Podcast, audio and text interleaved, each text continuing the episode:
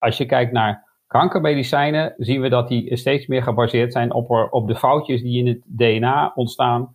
Die foutjes die ontstaan, die kunnen voor een deel voorspellende waarde hebben over of een bepaald medicijn wel of niet werkt. Maar dan moet je dat wel meten, want als je dat niet meet, ja, dan kun je daarna ook niet verbeteren in, in behandeling. En waar wij ons heel erg op richten is, op het moment dat die patiënt uh, die vervelende ziekte krijgt, dat we dan maar zeggen het hele DNA doormeten. Kunnen we een zorginfarct voorkomen? Ik denk van wel. Dit is Slimme Zorg, een podcastserie van Ventura.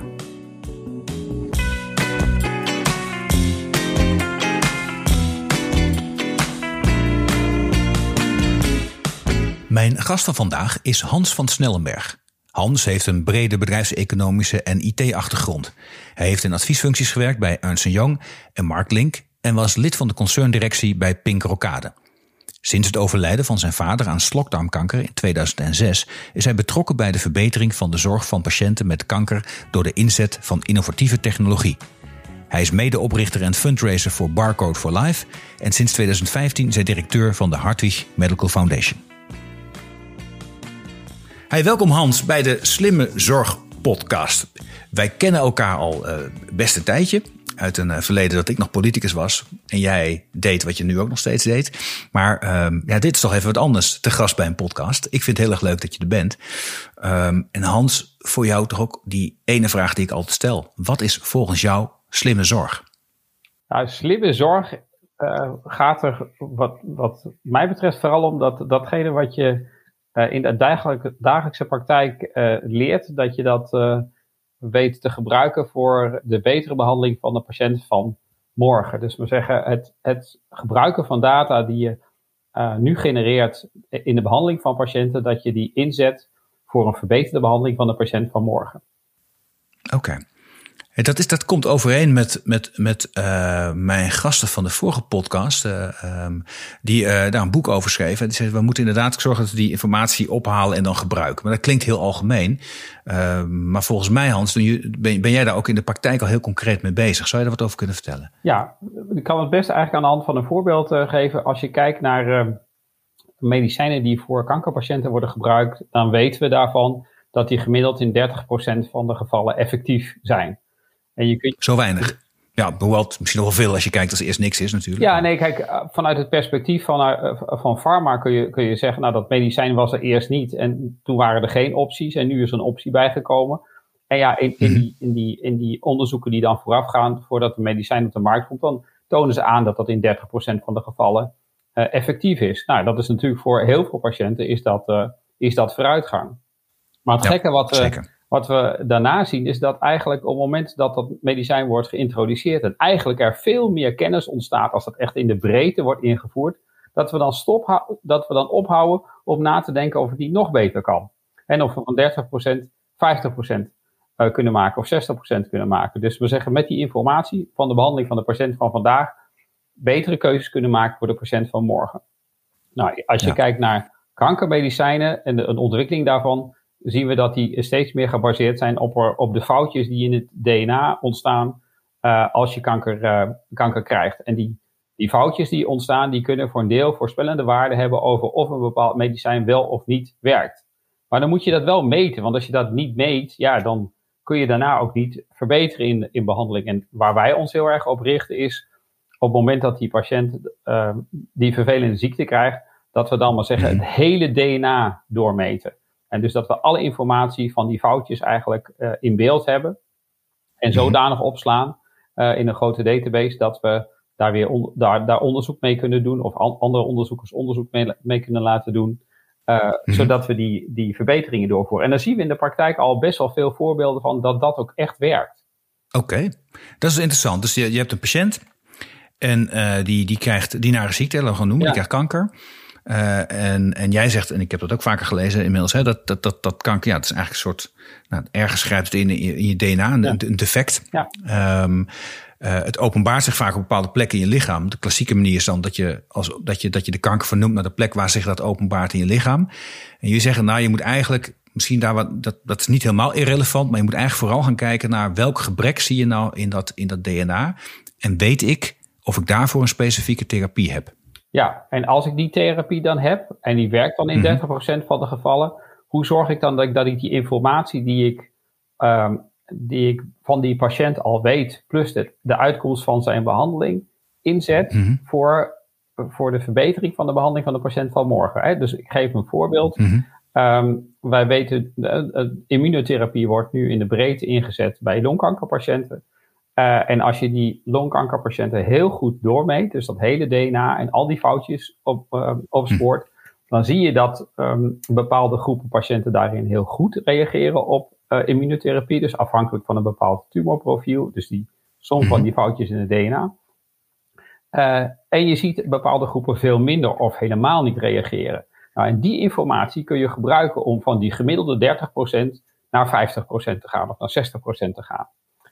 Een mhm. instrument hebt om tegen een patiënt te kunnen zeggen, nou, dat geneesmiddel, ja, dat werkt in 30% van de gevallen en we hebben naar uw situatie specifiek gekeken en wij denken dat u er wel heel veel baat bij kunt hebben of kijkend naar wat wij weten over uw tumor, gaat u daar waarschijnlijk heel weinig of geen baat bij hebben. Nou, dat gesprek moet natuurlijk nog dus tussen die dokter en die patiënt plaatsvinden. En daar moet dan de afweging gemaakt worden. Gaan we er dan wel of niet voor? En dat gaat op dit moment volgens mij ook zo. In de praktijk mhm. dat, dat gesprek. Maar het hebben van betere instrumenten om te kunnen beoordelen. Gaat het voor jou nou wel of niet werken?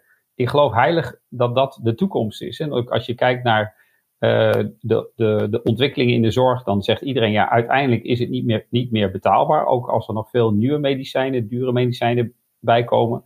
Nou, en dan is het veel. Sorry. dan is het veel mooier dat je instrument hebt door te kunnen zeggen. In plaats van dat je gaat zeggen: ja, we moeten een plafond inbouwen. Dus uh, patiënten krijgen na juli geen therapie meer, want het geld is op. Dan is het veel mooier als je instrument in handen hebt. Dat je dan zegt: nou ja, voor die groep werkt het wel. Dus daar gebruik ik het wel voor. En voor die groep is het eigenlijk helemaal niet kansrijk, of zelfs kansloos. Daar zetten we het niet in. Ja. Ja, dat, dat klinkt als een, eh, als een hele slimme aanpak. Als ik nu, ik hoop het niet, hè, maar stel ik, heb op dit, ik zou op dit moment longkanker hebben.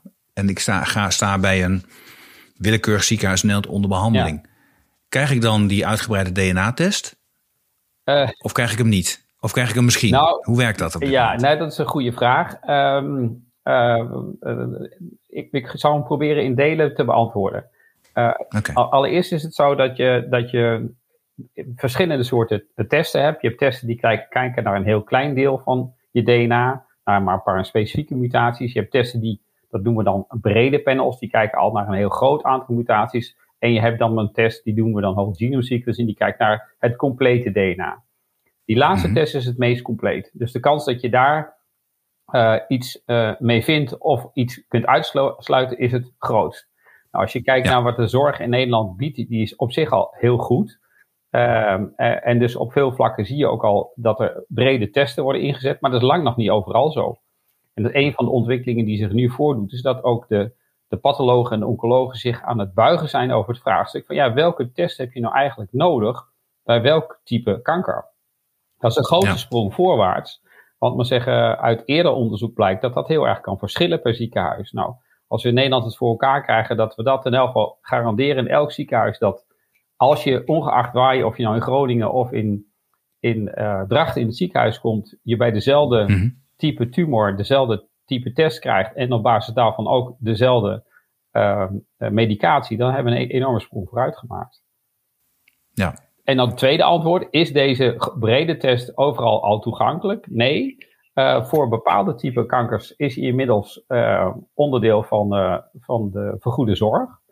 Um, en dat zijn vooral op, op die plekken waar de toegevoegde waarde van dat complete DNA het grootst is. En dat zijn dan, dan weten we ook dat die toegevoegde waarde het grootst is. Ja, bijvoorbeeld bij de, de, de patiënten die een primaire tumor heb, uh, hebben die onbekend is. Dus in Nederland is het zo dat je pas kunt gaan behandelen als je weet waar de primaire tumor is. Nou, er zijn 1500 tot 3000 patiënten in, in Nederland waarvan dat niet vastgesteld kan worden. En dat is eigenlijk, naast het feit dat het al vreselijk is dat je die ziekte hebt, kunnen dokters dan ook niet beginnen met, met behandelen. Want ze weten niet op basis van welke primaire tumor ze moeten starten. Dus, voor... dus iemand heeft kanker, dat is, dat is, dat is geconstateerd. Je, ziet, je ziet, ziet tumorgroei. Het is kwaadaardig. Maar je kunt niet behandelen omdat je niet weet waar het vandaan nee, komt. Het, is, wat, het, het, zit al in het stadium van, van een uitgezaaide ziekte. Dus je ziet wel de metastase, maar je weet niet of het de primaire tumor een longtumor is geweest of een, of een, ehm, of een, uh, een ehm, darmkanker is geweest. En voor, voor, het is noodzakelijk om de medicijnen in te zetten. Voor goed de medicijnen in te zetten, moet je weten wat die primaire tumor is.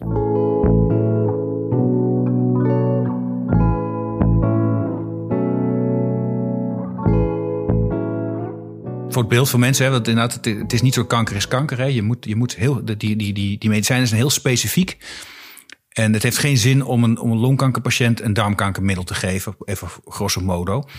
Hoewel we daar misschien zo nog op komen dat het in uitzonderlijke gevallen misschien wel zo is. Hè, maar in de basis is dat, is dat, wil je dat je het juiste middel bij de juiste patiënt ja, krijgt. Maar we zeggen Nederland zit nu nog, is natuurlijk in Nederland, in Nederland is het nu nog zo dat alle protocollen, alle behandelprotocollen eigenlijk gericht zijn op tumortype. Dus waar zit de, tumor, waar zit de primaire tumor? En we zien natuurlijk terecht wat je zegt, dat we, we steeds meer naar, dat heet dan agnostische benaderingen gaan. Dus dat je zegt, ja, het gaat niet om welke, waar die tumor zit, maar het gaat, gaat erom hoe die eruit ziet. Wat er fout is gegaan in dat DNA en welke kenmerken die tumor heeft, dat is veel voorspellender.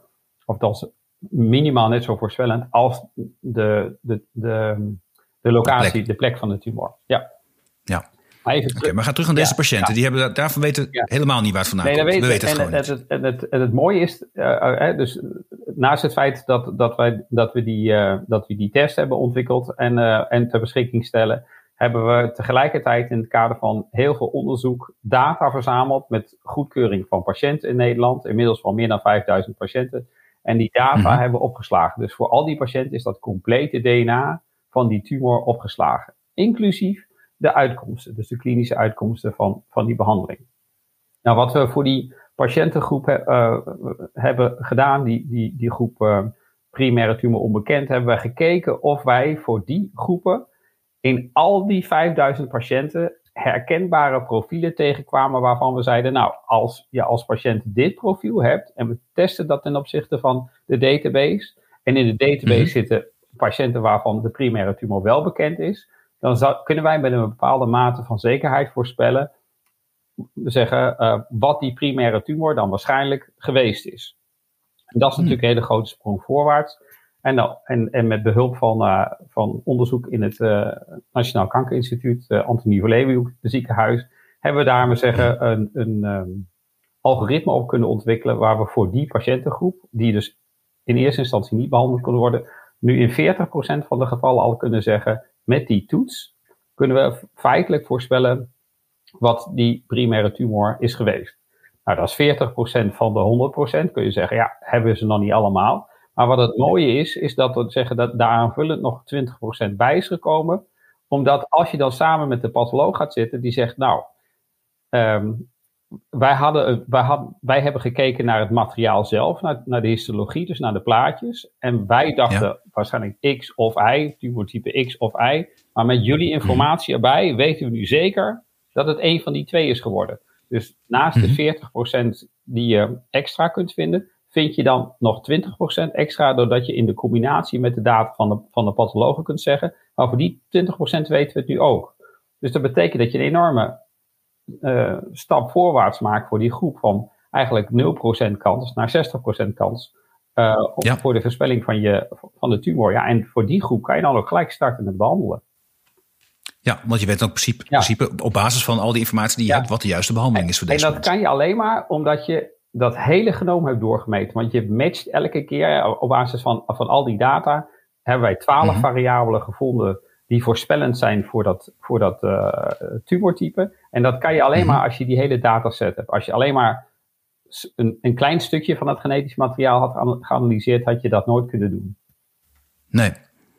Hey, het, is wel, het is wel fascinerend. En doordat je nu op deze manier mag werken en mag gaan behandelen, groeit die database ook met elke, elke volgende patiënt, toch? Als de patiënten goedkeuring ge geven, dan uh, dat is natuurlijk ons, ons doel. Hè, want we hebben tot nu toe hebben we mm -hmm. eigenlijk de data verzameld in het kader van, dat heet dan klinische studies, dus in een, in een mm -hmm. onderzoekssetting. Maar wij pleiten er heel erg voor, omdat eigenlijk uh, als we deze test inzetten, dat we dat ook standaard die data opslaan in die nationale database. Want dat is de snelste manier eigenlijk om te leren. He, want dan ja. heb je die data en dit is maar één voorbeeld. Maar je kunt je voorstellen als je er niet 5000, maar 20.000 in hebt zitten. Dat je dan veel beter en ook veel sneller weer op een, met eenzelfde soort aanpak ook voor ehm, uh, darmkanker kan zeggen waar een bepaald geneesmiddel voor welke patiënten wel werken en niet werken of minder kans hebben om te werken. En dan komen we weer terug bij je eerste vraag. Hè? Wat is nou slimme zorg? En dat is nou mhm. precies de spijker op zijn kop. Is met die data die je dan verzamelt vandaag, ben je in staat om beter te voorspellen. Um, en dat hoeft dus niet veel extra te kosten. Uh, Interessant. Waarom niet?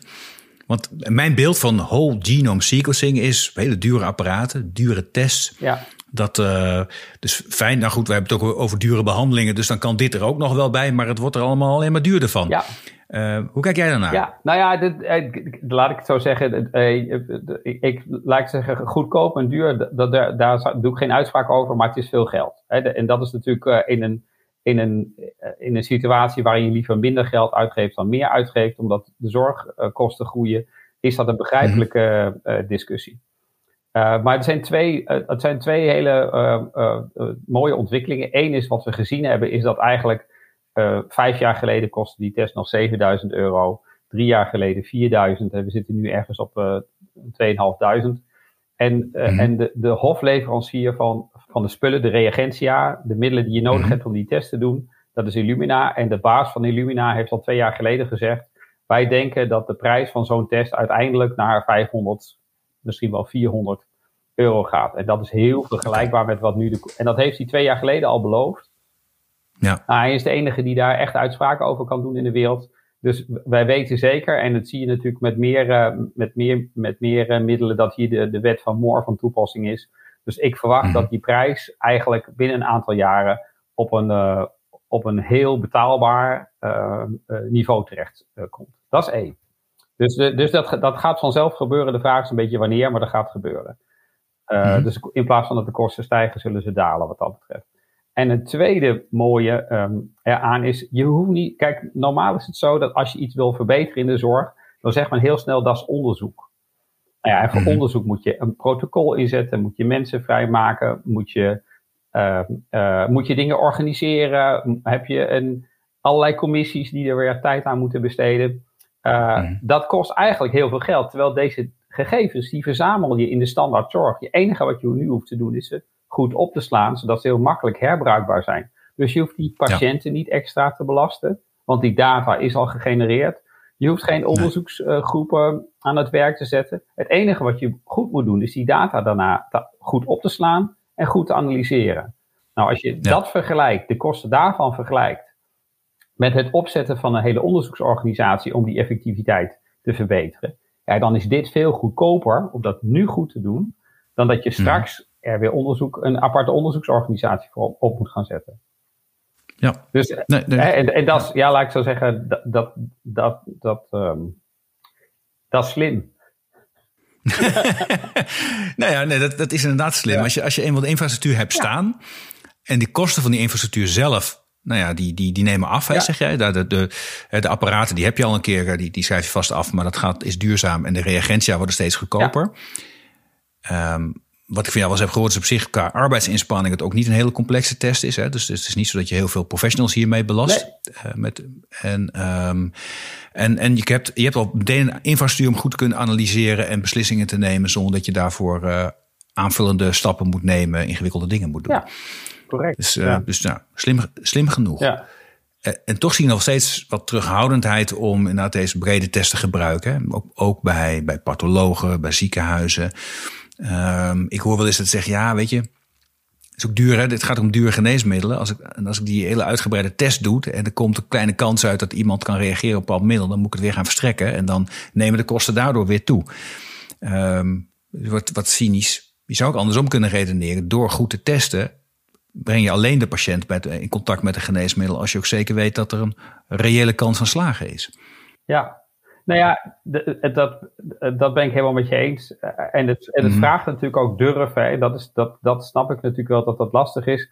Want mensen zien natuurlijk in de eerste instantie uh, dat meer mogelijkheden leidt tot meer behandeling, leidt tot meer kosten. Hè. En dat is mhm. vanuit mm patiëntperspectief natuurlijk hartstikke goed. Maar vanuit het perspectief van de kosten van de zorg is dat natuurlijk uh, ingewikkeld. Uh, maar omgekeerd, je, omgekeerd geldt heel erg sterk dat we zeggen, als wij nu niet instrumenten ontwikkelen waardoor we beter patiëntengroepen kunnen gaan stratificeren of iets wel of niet gaat werken en daar bewuster keuzes in maken, uh, zijn we veel beter af dan dat we over drie jaar uh, ergens moeten gaan zeggen, uh, bijvoorbeeld om iets te gaan, maar iets, iets, iets mafs te gaan zeggen, ja, als je ouder bent dan 80, dan krijg je een bepaald medicijn niet meer. Nee. Uh, en dan heb ik veel liever dat je in, in, staat bent op basis van data dan te gaan zeggen, ja, bij u gaat het niet werken of bij u gaat het wel werken. En dat je een hele andere afweging ja. maakt dan, uh, dan iets wat niet gebaseerd is op, uh, op de kennis die je hebt ontwikkeld. Nou, die kans zou, nee, ik, zo, zou ik nooit voorbij willen laten gaan. Ik vind die andere type besluiten vind ik veel erger. Dat je een plafond gaat krijgen of dat je situaties gaat krijgen dat men zegt, ja, in november is het geld op om medicijnen in te kopen. Ja. Dan heb je toch veel ja. liever iets in handen waarvan je kan zeggen vanaf januari al, ja, die groep wel, die groep niet. Die afwegingen maakt. Ja, en dan, en dan ga je al vanuit dat door breed te testen uh, meer patiënten gebruik zullen gaan maken van behandelopties. Dat is, dat is mogelijk, dat zou kunnen. Ja.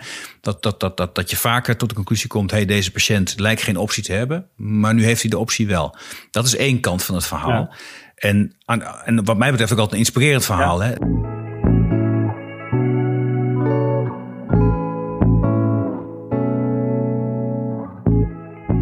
Heb mijn, mijn, mijn broer op, is op jonge leeftijd aan nierkanker overleden. En ik weet zeker dat hij. Hij heeft ook een tweede medicijntrials meegedaan. Um, maar ik weet zeker dat hij in, in zo'n in zo'n traject met de whole genome sequencing uh, een, uh, had willen kijken wat, wat wellicht voor hem passend was. En zeker een bijdrage had willen leveren aan, aan toekomstige patiënten. In zijn tijd kon dat niet. Dat is nu, nu 15 jaar geleden. Maar dan praat van de patiënt heeft geen optie of, of niet voldoende opties en je herkent nieuwe. Maar wat volgens mij ook wel eens vergeten wordt, zijn patiënten die uh, door niet breed te testen toch proberen uh, met een bepaald geneesmiddel uh, tot, tot, tot, tot genezing of verbetering te komen. Te, en daar helemaal niet op responderen. Ernstig bijwerkingen van hebben en hun kwaliteit van leven heel erg verminderd hebben. Ja. Volgens mij zien we dat veel te vaak over het hoofd.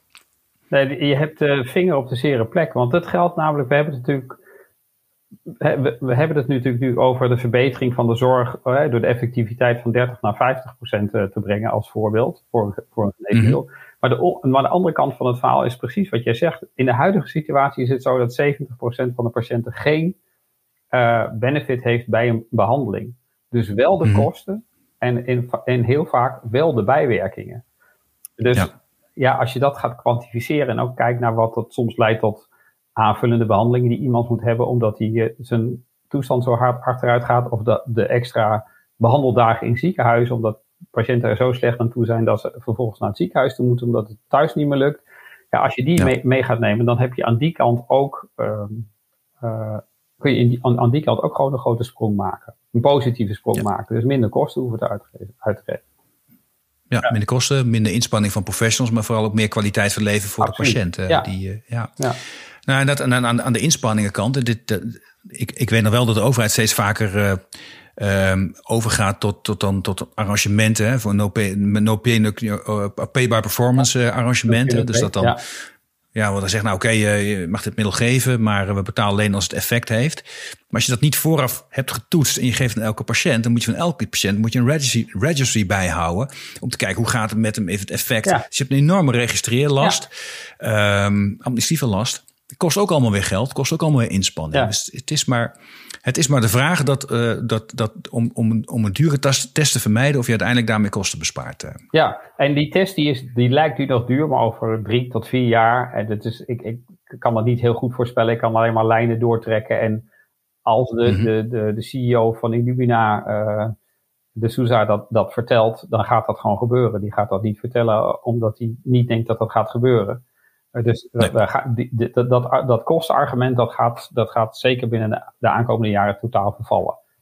Ja, en dan is, dan is de vraag ook, en dan, moet je, dan is, komt er nog natuurlijk een ander een vraagstuk om de hoek zetten. En ik snap dat daar ook best wel wat weerstand op zit. Is ja, als je nu een hele set aan verschillende testen uh, hebt voor, voor kankerpatiënten, moleculaire testen heb ik het over. En niet over de histologie testen, want die zullen er altijd blijven. Net zo goed als uh, die radiologie blijft, blijft doen voor die patiënten. Dus die, die die andere disciplines die meewerken in de diagnostiek, die, die blijven net zo belangrijk als ze daarvoor waren. Die vervallen helemaal niet. Maar als je kijkt naar het stuk moleculaire diagnostiek en aan de hoeveelheid testjes die er overal zijn. En de hoeveelheid testen en de testen die elk jaar weer gevalideerd moeten worden. Um, in 60 verschillende ziekenhuizen, die niet altijd overal helemaal bij zijn. Als je dat dan zet tegenover één test, die in feitelijk het hele complete genetisch materiaal in kaart brengt, en eigenlijk alleen maar een software aanpassing behoeft om, hem, uh, om nieuwe dingen te laten, te, te, laten rapporteren in plaats van een validatie in 60 ziekenhuizen, dan kun je je voorstellen dat je uiteindelijk ook naar een concentratie van, uh, van dit soort moleculaire diagnostiek gaat, naar een beperkt aantal centra. Eigenlijk net zoals in Engeland, waar dat al lang zo is, hè, waar ze hebben gezegd we doen dat in zeven verschillende centra en niet in elk ziekenhuis. En dan kun je nog prima alle doorlooptijden halen. Hè. Dat is natuurlijk vaak een ander argument van ja, in het eigen ziekenhuis gaat het sneller. Maar de mhm. doorlooptijden nu, hè, dat hebben wij wel eens vergeleken ook met uh, een paar instituten waar we mee samenwerken. De doorlooptijden, als je die met een goede breng- en, en, en leverservice, hè, want je hoeft alleen maar het biopten en het bloed te brengen en het rapport mhm. gaat uh, digitaal uh, naar de patholoog of naar de, en, en naar de oncoloog. Ja. ja, die, die, die turnaround time, die wordt niet, niet langer. Ik denk zelfs eerder korter, van wat wij ervan weten als je dat op één of een beperkt aantal plekken in Nederland doet, in plaats van in 80 verschillende ziekenhuizen. Ja, en Nederland is zo niet zo groot, hè? Nee, nee, nee, we zeggen zo'n autootje hoeft uh, maximaal uh, een keer uh, anderhalf uur te rijden. Max, hè? Max, hè? Mhm. Als je het in drie centra doet, bijvoorbeeld. Ja. Um, ja, en ik denk dat dat ook, dat is een on onontkoombare ontwikkeling in de zorg. Maar die snijdt natuurlijk wel in de portemonnee van een aantal beroepsbeoefenaren ja, dus dat, daar moet je wel wat, wat voor bedenken met elkaar. Ja, nou ja, in een wereld waarin zorgprofessionals uh, daar een groot tekort aan is, valt voor deze beroepsbeoefenaren vast ook wel weer een, uh, een goede plek te vinden, denk ik dan. Uh. Nou ja, wat, wat wij heel erg ook denken is dat, dat als je kijkt naar de, de beroepsgroepen dan, dan, en, en hun toegevoegde waarde na negen of elf jaar opleiding, zit natuurlijk niet in het, in het, in het uitvoerend werk, maar in de interpretatie van de uitslagen. En, en, en dat is een beetje wat, ons, wat wij ook altijd proberen te zeggen. Wij proberen juist werk uit handen te nemen, zodat de echte toegevoegde waarde die je als dokter leeft, dat je daar maximaal tijd aan kan besteden. Of als patholoog maximaal tijd aan kan besteden. Ja, want die test zegt veel, hè? Maar je zei net ook al, ook, nou, in samenwerking vind je soms nog meer. Dus de test geeft een heel goed beeld. Maar door na te blijven denken en andere beelden daarmee te combineren, heb je het heb je een nog betere en nog scherpere analyse wat er met de patiënt in de hand is en wat de beste behandeling zou kunnen want zijn. we zeggen het genetisch gedeelte geeft maar één, we zeggen maar, maar één beeld van, uh, of één invalshoek van de patiënt. Daarnaast heb je natuurlijk mm de histologie, die zegt hoe ziet die tumor er nou fysiek uit en, uh, en dat, heb, daar heb je beeldvorming voor nodig. Dan heb je natuurlijk nog de radiologie kant die de scans uh, maakt en dat samen ook met de behandelvoorgeschiedenis en met andere kenmerken van, van die patiënt nou ja, ik zal het maar zeggen, heeft hij wel niet gerookt? Of wat is, wat is zijn levensstijl geweest? Die, dat hmm. totaalplaatje maakt zeggen, uiteindelijk uh, de diagnostiek. Dus wij leveren, we zijn alleen maar, we leveren een deel van de diagnostiek aan. Nou, maar wel een deel wat we zeggen heel belangrijk is als je gaat, als je nadenkt over de discussie rondom effectiviteit van geneesmiddelen en, uh, en kosten van geneesmiddelen.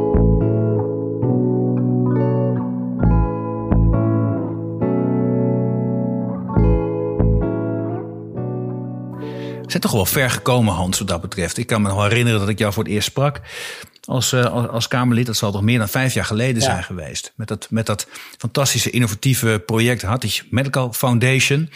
Uh, zonder winstoogmerk, uh, maar wel heel erg gedreven om, nou, volgens mij in die tijd vooral uitbehandelde kankerpatiënten weer perspectief te geven. Ja.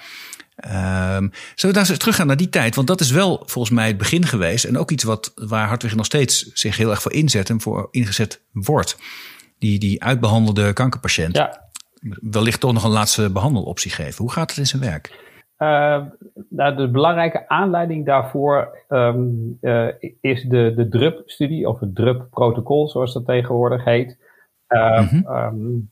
um, wat wij maar zeggen, al vrij vroeg ontdekte toen we de starten, of liever gezegd de onderzoekers ontdekten en de, en de, en de behandelaars ontdekten, was dat, dat als jij een, um, een HER2-mutatie hebt bij een, met een vrouw met borstkanker, dan is daar een geneesmiddel voor. Dat heet Herceptin en dat werkt heel goed. Uh, maar wij kwamen soms ook um, um, HER2-mutaties tegen bij mannen uh, met maagkanker. En het, het NKI AVL zei toen, ja, we kunnen eigenlijk Dus er zou best een kans, een gereden kans kunnen zijn dat het geneesmiddel niet alleen voor die vrouw met borstkanker werkt, maar ook voor die man met maagkanker. En daar hebben ze een protocol voor opgezet. Dat heet het DRUP-protocol. Uh, en dat zorgt ervoor eigenlijk dat geneesmiddelen ingezet worden niet alleen op uh, de indicatie waarop ze op de markt zijn gekomen, maar ook als eenzelfde soort type profiel of mutatie zetten. Dus hoeft niet alleen een mutatie zijn, het kan, kunnen meer aspecten van de kanker zijn. Als die mhm. ook voorkomen op gebieden waar je dat in eerste instantie niet zou verwachten, dat ook voor die groep dat geneesmiddel ingezet mag worden onder strikte randvoorwaarden natuurlijk. Want ja, het heeft zich daar nog niet bewezen. Dus je moet het heel voorzichtig mee omgaan. Dat mag niet, niet tot extreme bijwerkingen voor zo'n patiënt leiden. Dus in dat onderzoeksprotocol is dat vormgegeven. En dat, is, dat, dat heeft hele mooie resultaten opgeleverd. Het bleek namelijk dat die effectiviteit in die groep voor een aantal medicijnen die daarvoor in aanmerking kwamen, uh, net zo goed was als voor de primaire groep waarvoor ze op de markt waren gekomen. Nou ja, dat, en dat leidde er vervolgens weer toe dat het Zorginstituut ook die effectiviteit zag. En vervolgens heeft gezegd, nou ja, oké, dan kan dat geneesmiddel ook voor een bredere indicatie ingezet worden.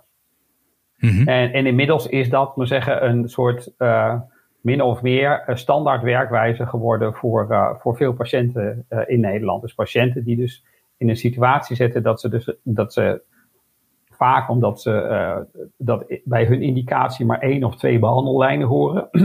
nou, die behandellijnen zijn niet effectief, maar die patiënt is nog een redelijk goede gezondheid. Dus die kan in mhm. principe fysiek nog prima een behandeling aan. Als er een kans is uh, om naar uh, de kanker terug te dringen, dan kunnen die in principe op basis van die kenmerken die ik net noemde, in aanmerking komen in zo'n drugprotocol voor een ander medicijn. Nou, en dat, dat, nou ja, dat is wel mooi om het maar zo te zeggen, want dat is in, in de periode 2016 tot en met 2021 met hulp van heel veel partijen. Dus, en daar schaar ik ook Pharma onder en daar schaar ik ook het Zorginstituut onder. Uh, de, de oncologen die in de, ziekenhuizen die daaraan meegewerkt hebben, ertoe geleid dat iets wat een idee was, uiteindelijk via bewijsmateriaal uh, geleid heeft tot meer, op, meer behandelopties voor patiënten aan de ene kant. En twee, ook maar zeggen, tot een, tot een uh, innovatie in het zorg dat we dit wel met elkaar voor elkaar hebben gekregen. En het is ook een protocol wat goedgekeurd is door, uh, door de oncologen en, um, en het Zorginstituut. Dus dat is echt een, dat is toch wel een heel mooi voorbeeld over hoe je met bestaande middelen en bestaande mhm. data, hè, dus gegenereerde data, de, de, de mhm. behandeling van patiënten kunt verbeteren. Ja, en, en nou, en, en het klinkt, je vertelt het heel rustig, maar het is eigenlijk best wel revolutionair. Hè? Dat, je, dat je door die data heel slim te gebruiken, mhm. gericht kunt voorspellen dat een middel dat bedoeld is voor behandeling van vrouwen met borstkanker met een bepaalde mutatie, effectief kan zijn bij iemand met maagkanker. En dan komt de laatste klap, in de praktijk ook blijkt te zijn. En, en, door dat bewijs, en dat is, er zit een heel zwaar protocol aan, ja. gaat eraan vooraf om het bewijs te mogen leveren, leidt er eigenlijk toe dat je, dat je dan op een bepaald moment zegt: hé, hey, als we deze mutatie vinden, mag je ook voor dit soort patiënten vanaf nu dit geneesmiddel geven. Ook al is het daarvoor niet geregistreerd. Correct, correct, ja. En, en dat, dat is, dat is een, in, Nederland, hè, die registratie blijft hetzelfde. En Nederland is een afspraak gemaakt, we vergoeden het. Hè. Dat is feitelijk uh, volgens mij de afspraak die gemaakt is. Maar ik kan me voorstellen dat er vanuit het buitenland toch met heel veel interesse naar gekeken wordt wat hier gebeurt in zo'n drupstudie. Heeft het dan ook effect in, in andere landen al gehad? Of ja, zeker. Uh, drup is inmiddels, we zeggen, en ik weet niet hoeveel, maar voor mij in zes, zevental landen in Europa al uitgerold. Op basis van eigenlijk hetzelfde protocol wat we in Nederland hebben ontwikkeld. En de grote roerganger daarachter is uh, Emil Voest. Uh, En dat, ja, dat, dat lijkt natuurlijk, dat was ook wel een beetje te verwachten dat dezelfde type resultaten wat we in Nederland ook geboekt hebben. Dus um, ja. ik wil zeggen, ik, voor mij zijn het zeker zeven Europese landen die in verschillende stadia van implementatie zitten.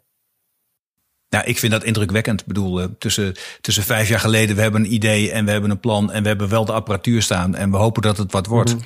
Tot en met dit protocol dat ook al in zeven landen inmiddels wordt toegepast. Dat, dat, dat is al heel wat.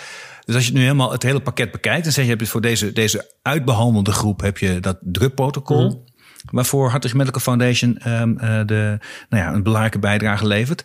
Je hebt de, de groep met de primaire tumor onbekend. Ja. Waarvoor je nu ook al structureel mag zeggen, wij, eh, wij leveren daarvoor eh, de, de, een, stuk, een belangrijk stuk van de diagnostiek. En de grote uitdaging zit eigenlijk bij de reguliere kankerpatiënt. Daar valt nog de meeste winst te boeken, als ik jou, uh, jou hoor. Ja, nou ja, vanuit het perspectief dat je wat je graag wil, voor elke patiënt is dat hij die behandeling krijgt die bij hem past. Dus dat hij ook geen middelen krijgt die niet bij hem passen. en, daar, en daar heb je gewoon meer data voor nodig. Daar heb je gewoon meer, meer data voor nodig. En het mooie is natuurlijk dat als je die in de reguliere zorg kan verzamelen, hoef je die patiënt niet extra te belasten. Geen apart onderzoek, maar die data die heb je toch al. Maar daarvoor moet je breed testen. Dus ja, het lijkt nu, hè, nu, nogmaals, nu is het, kost het meer dan, dan een standaardtest. Uh, maar de toegevoegde waarde die je ermee mee creëert en de kosten die je vermijdt uh, in de toekomst, die zijn, uh, die zijn vele malen groter. Dus dat, dat zijn we ook bezig om dat in kaart te brengen. Ja, oké. Okay. Als je nou zo mogen dromen, um, zou je dan zover willen gaan? Je zegt, ik zou ertoe willen dat we in Nederland iedere kankerpatiënt bij de eerste diagnostiek al aanbieden whole genome sequencing, zodat we precies het profiel hebben. En dat kan voor die patiënt van waarde zijn en anders wellicht voor de toekomstige patiënt. Zou je zover willen gaan of, of, of ga ik dan te ver? Nou, ik, voor iedere patiënt, dat, daar wil ik zeggen, een, een, nog een vraagteken bij zetten. Want als je kijkt naar de patiënten die alleen maar een primaire tumor hebben en geen uitzaaiingen, daar, die, die worden op dit moment in Nederland echt heel goed behandeld. En de effectiviteit van die zorg is zo goed, omdat ze eigenlijk uh, uh, de, de tumor in een, in een heel groot aantal gevallen kunnen, kunnen verwijderen, chirurgisch, dan wel chemo geven, dan wel de radiologie. Dus die, die effectiviteit is zo hoog, daar kun je niet heel veel meer aan toevoegen. Maar voor alle, maar alle patiënten die bij eerste constatering een uitgezaaide ziekte hebben, en dat zijn er zo'n zo 40.000 per jaar, als je dat daarvoor zou kunnen doen, dan zou je een enorme sprong vooruit maken. Want die groep zit ook in de dure medicijn. En welk deel van die groep kun je nu al bedienen? Heb je, een, heb je een percentage, weet je dat? Nou ja, als je, als je kijkt naar, uh, er zijn wel eens analyses van gemaakt, uh, uh, mm-hmm. voor de, de patiënten met een primaire tumor onbekend. Nou, dan zijn er 1500 waarvan men echt zegt, dat weten we echt überhaupt niet. En nou, dan kan je nog een keer 1500 bijtellen waar heel veel twijfel bij is. Dus dan praat je ergens over 1500 tot 3000 waar je echt veel toegevoegde waarde hebt. En als je kijkt naar de mhm. last resort patiënten, en dan moet je vooral ook goed kijken naar, uh, naar um, uh, wat, is de, wat is de fysieke toestand. Hè? Kan een patiënt echt nog goed een behandeling aan? En wil hij dat ook? Hè? Want dat is net zo belangrijk. Ja. Uh, dan praat ja. je over ja, de inschattingen die gemaakt zijn door oncologen ergens rond de, de 10% van de totale populatie van mensen met een uitgezaaide ziekte. Dus heb je het nog een keer over 4000 orde grootte. Mm ja, en we verwachten, onze eigen verwachting is dat, dat, dat voor een aantal indicaties uh, ook heel snel die toegevoegde waarde uh, uh, inzichtelijk wordt. Dus we zeggen naast deze twee groepen dat er ook binnenkort wel twee, één of twee andere groepen zijn waarbij het zo evident is dat, dat, het, dat de effectiviteit van de behandeling groter wordt, dat die ook zullen volgen. Ja, en het zijn waarschijnlijk vooral de behandelingen waar veel immunotherapieën worden toegepast, toch? Uh, nou ja, dat, één daarvan zeker, ja. Ja, ja. Mm ja. Dat, dat gaan we zien dan, uh, hoe, groot dat is. Maar er zit in ieder geval ontzettend veel potentie in de verbetering van de kankerzorg in Nederland. Vooral door die diagnostiek slimmer en beter te maken, als ik jou ja. zo hoor. Ja, en, en het mooie natuurlijk is waar, waar, je, waar je dat uiteindelijk ook echt naar streeft. Hè, en dat is natuurlijk, uh, het is een, uh, het is een dus een pittige, een pittige weg die we met z'n allen gaan, is dat je veel actiever dan nu uh, leert. En dat zien we toch elke keer, dat, dat, dat, dat, dat als je, uh, dat is, uh, er wordt enorm hard gewerkt in de zorg. ook als je kijkt naar hoe, hoe, vol de dag van een oncoloog of een patholoog zit, hoeveel druk er op die mensen is om om die patiëntenstroom elke dag aan te kunnen en het beste eigenlijk uh, voor die patiënten te betekenen. Dat betekent dat er relatief weinig tijd overblijft om er zeggen even twee stappen naar achter te maken en te zeggen van oké, okay, hoe verbeteren we het systeem nu wat we hebben? Dus de druk, de dagelijkse druk is echt enorm groot. Uh, en dan heb je je instrumenten nodig uh, eigenlijk die relatief makkelijk te implementeren zijn. Dus niet weer een grootscheepse verandering, et cetera, maar iets wat je vrij makkelijk in je standaard routine in kan brengen. Waardoor je een soort ja. mechanisme hebt waarbij je veel makkelijker toegang hebt tot data die die zorg kunnen verbeteren. Anders dan weer een project eroverheen. Um, uh, dus dus, dus dat, dat is ook een beetje, uh, hè, dus de tweede kant die we pro propageren is van hoe kunnen we nou eigenlijk op een, op een, een vrij lichte manier uh, interveneren in een zorgsysteem wat toch al overbelast is, waarbij we data op een snelle manier kunnen genereren in een infrastructuur die er al is. Ja, dus even een klein stapje terug doen. Even niet nog harder gaan werken, maar een stapje terug. En, van, en dan, dan vervolgens wat slimmer gaan werken. En blijven leren van elkaar. Steeds sneller tot de juiste diagnose komen. En de juiste therapie kunnen brengen bij de, bij, bij de patiënt. Ja, als je, het voor, als je het voorbeeld kijkt voor de CUPS, hè, dat is echt in een, uh, ik denk in een jaar, de patiënten met een primaire tumor onbekend, ook wel cancer of unknown primary ja. uh, gedaan. Als je kijkt hoe snel dat is gegaan, dat heb je gewoon in een jaar voor elkaar. Dat is super knap. Ja. Dat je gewoon in een jaar. Ja, het was een enorm complex vraagstuk was het altijd. Ja. Hè? Want je hebt geen nee. opties. Dus je blijft maar zoeken. Je blijft maar diagnosticeren in de hoop dat je wat vindt. Als je dat op een zieke manier doet. En, en, Heel hard werken. En druk bij is gewoon de protocollen aan te passen. Dus we zeggen, hè, dus van data naar bevindingen, naar een algoritme, naar implementatie in de zorg. Ja, ik moet zeggen, ik, ik, ik ben daar zelf heel enthousiast over.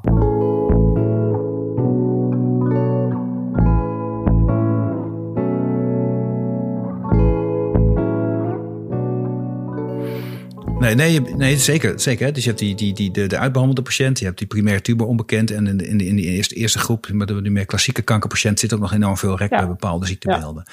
Dus er valt veel te bereiken. En er zijn wat hobbels op de weg. Um, en, en, en ik heb het idee, als ik jou zo hoor, heel veel van die hobbels zijn vooral beeldvorming. Het is duur, het is. Uh, en uh, we, we kunnen dingen ook nu al wel vinden. En, en, en een aantal belangen die, die ook in de weg zouden kunnen zitten. Ja. Um, ja. ja.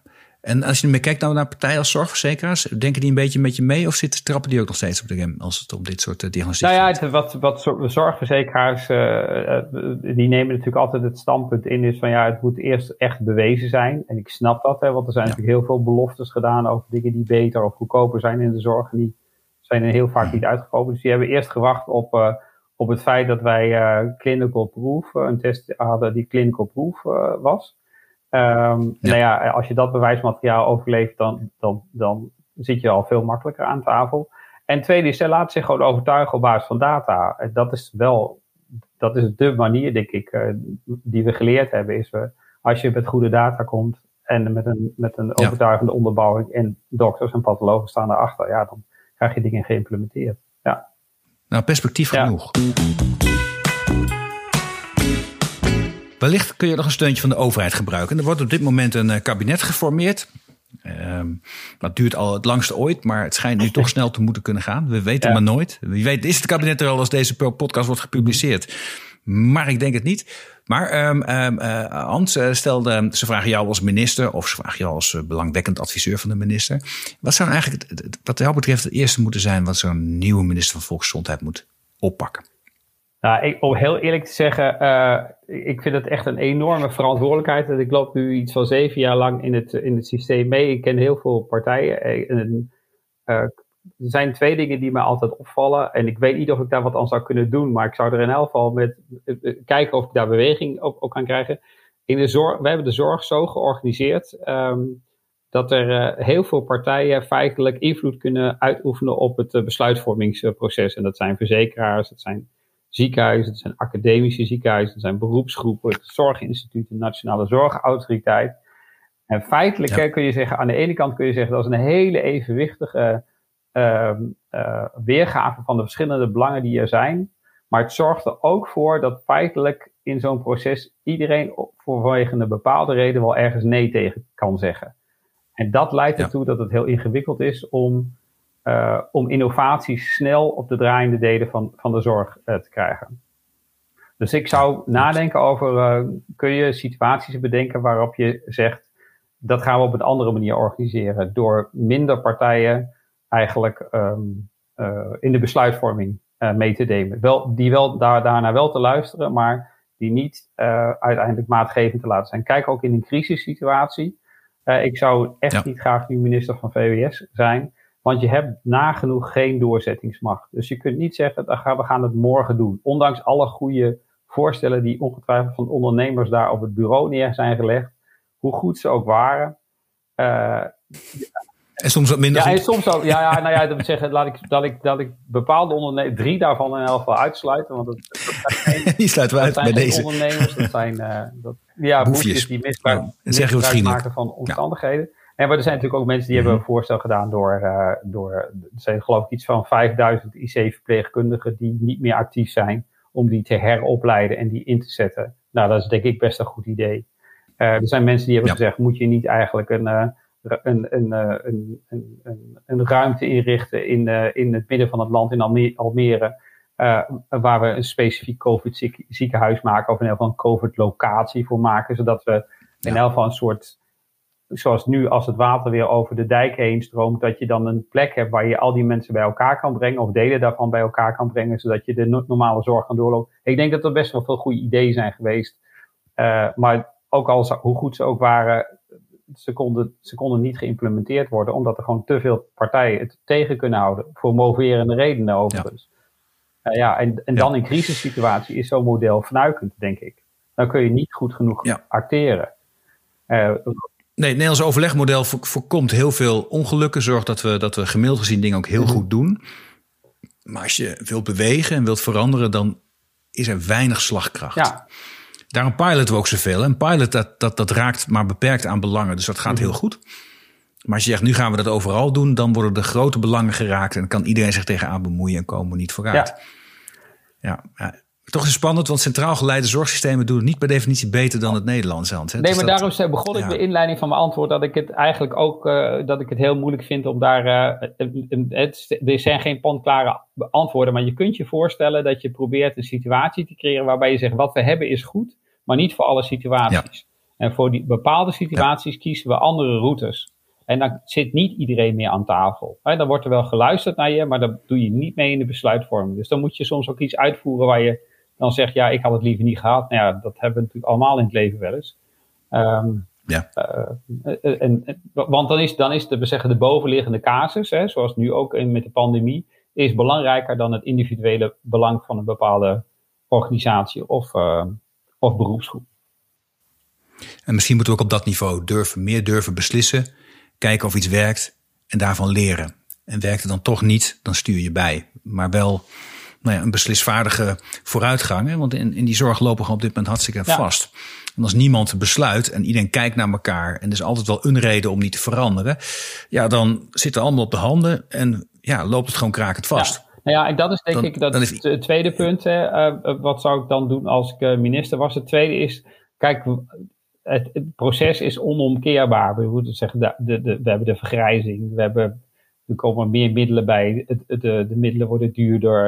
Het laatste jaar van, van, een, van een mens in Nederland, de kosten daarvan nemen uh, uh, steeds sterker toe. En de groep die erin zit wordt steeds groter. Dus we zeggen, je kunt het uitrekenen dat die kosten die autonoom groeien, blijven die gewoon hard doorgroeien. Dus als je met z'n allen zegt, we willen dat het, dat het niet meer groeit, of we vinden het dat het te veel begint te kosten. Even los daarvan of je dat wel of niet vindt. Maar stel dat je dat vindt, dan heb je instrumenten mhm. nodig om te kunnen besluiten wat wel en wat niet. En dan zou ik als minister zeggen, ik zou instrumenten ontwikkelen dat ik op een afgewogen manier die besluiten zou kunnen nemen.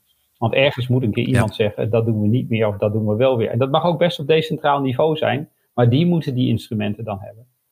En dan moet, eh, dan moet je daar ook, daar moet je ook achter staan. Hè, want het lijkt me nu al heel ingewikkeld in het ziekenhuis dat je een afweging moet maken tussen iemand die op de IC komt met een coronaklacht versus iemand die, uh, die een uh, hartritmestoornis heeft. Ja. ja, maar het is een illusie om te denken dat als je zeggen, ja, maar ik wil het allemaal niet, dit soort keuzes, dat er dan niet gekozen wordt. Want precies. op een bepaald moment geldt wel op is op. Dus als je niet nadenkt over de kaders, en de WRR maakte laatst een mooi rapport uh, over houdbare zorg. En daarin staat ook, daar staat ook heel duidelijk, niet kiezen is ook een keuze. En uh, dan laten we dan maar proberen zelf aan het roer te blijven van dit soort beslissingen. Goed onderbouwd. Ik ben het met je eens, Hans. Dat brengt ons aan het eind van deze podcast. Heel erg bedankt voor dit mooie gesprek. Jij dank voor de gelegenheid. En ik wens je heel veel ja. succes. Dankjewel. Nou, hoop je weer te zien. Uh, te spreken. Dit was Slimme Zorg. De podcast waarin nagedacht wordt over oplossingen waarmee een zorginfarct voorkomen kan worden. Een podcastserie van Ventura. Abonneer je op deze show via iTunes of Spotify en voel je vrij om een review achter te laten. Ik vind het zelf enorm leuk om te lezen wat jullie van de podcast vinden. Je mag me ook mailen op podcast.ventura.com. Vond je de podcast leuk? Dan heb ik een opdracht voor je. Vertel over de podcast aan een van je vrienden of collega's. Mijn naam is Arno Rutte. Dit was Slimme Zorg. Je hoort mij over twee weken weer in een nieuwe aflevering.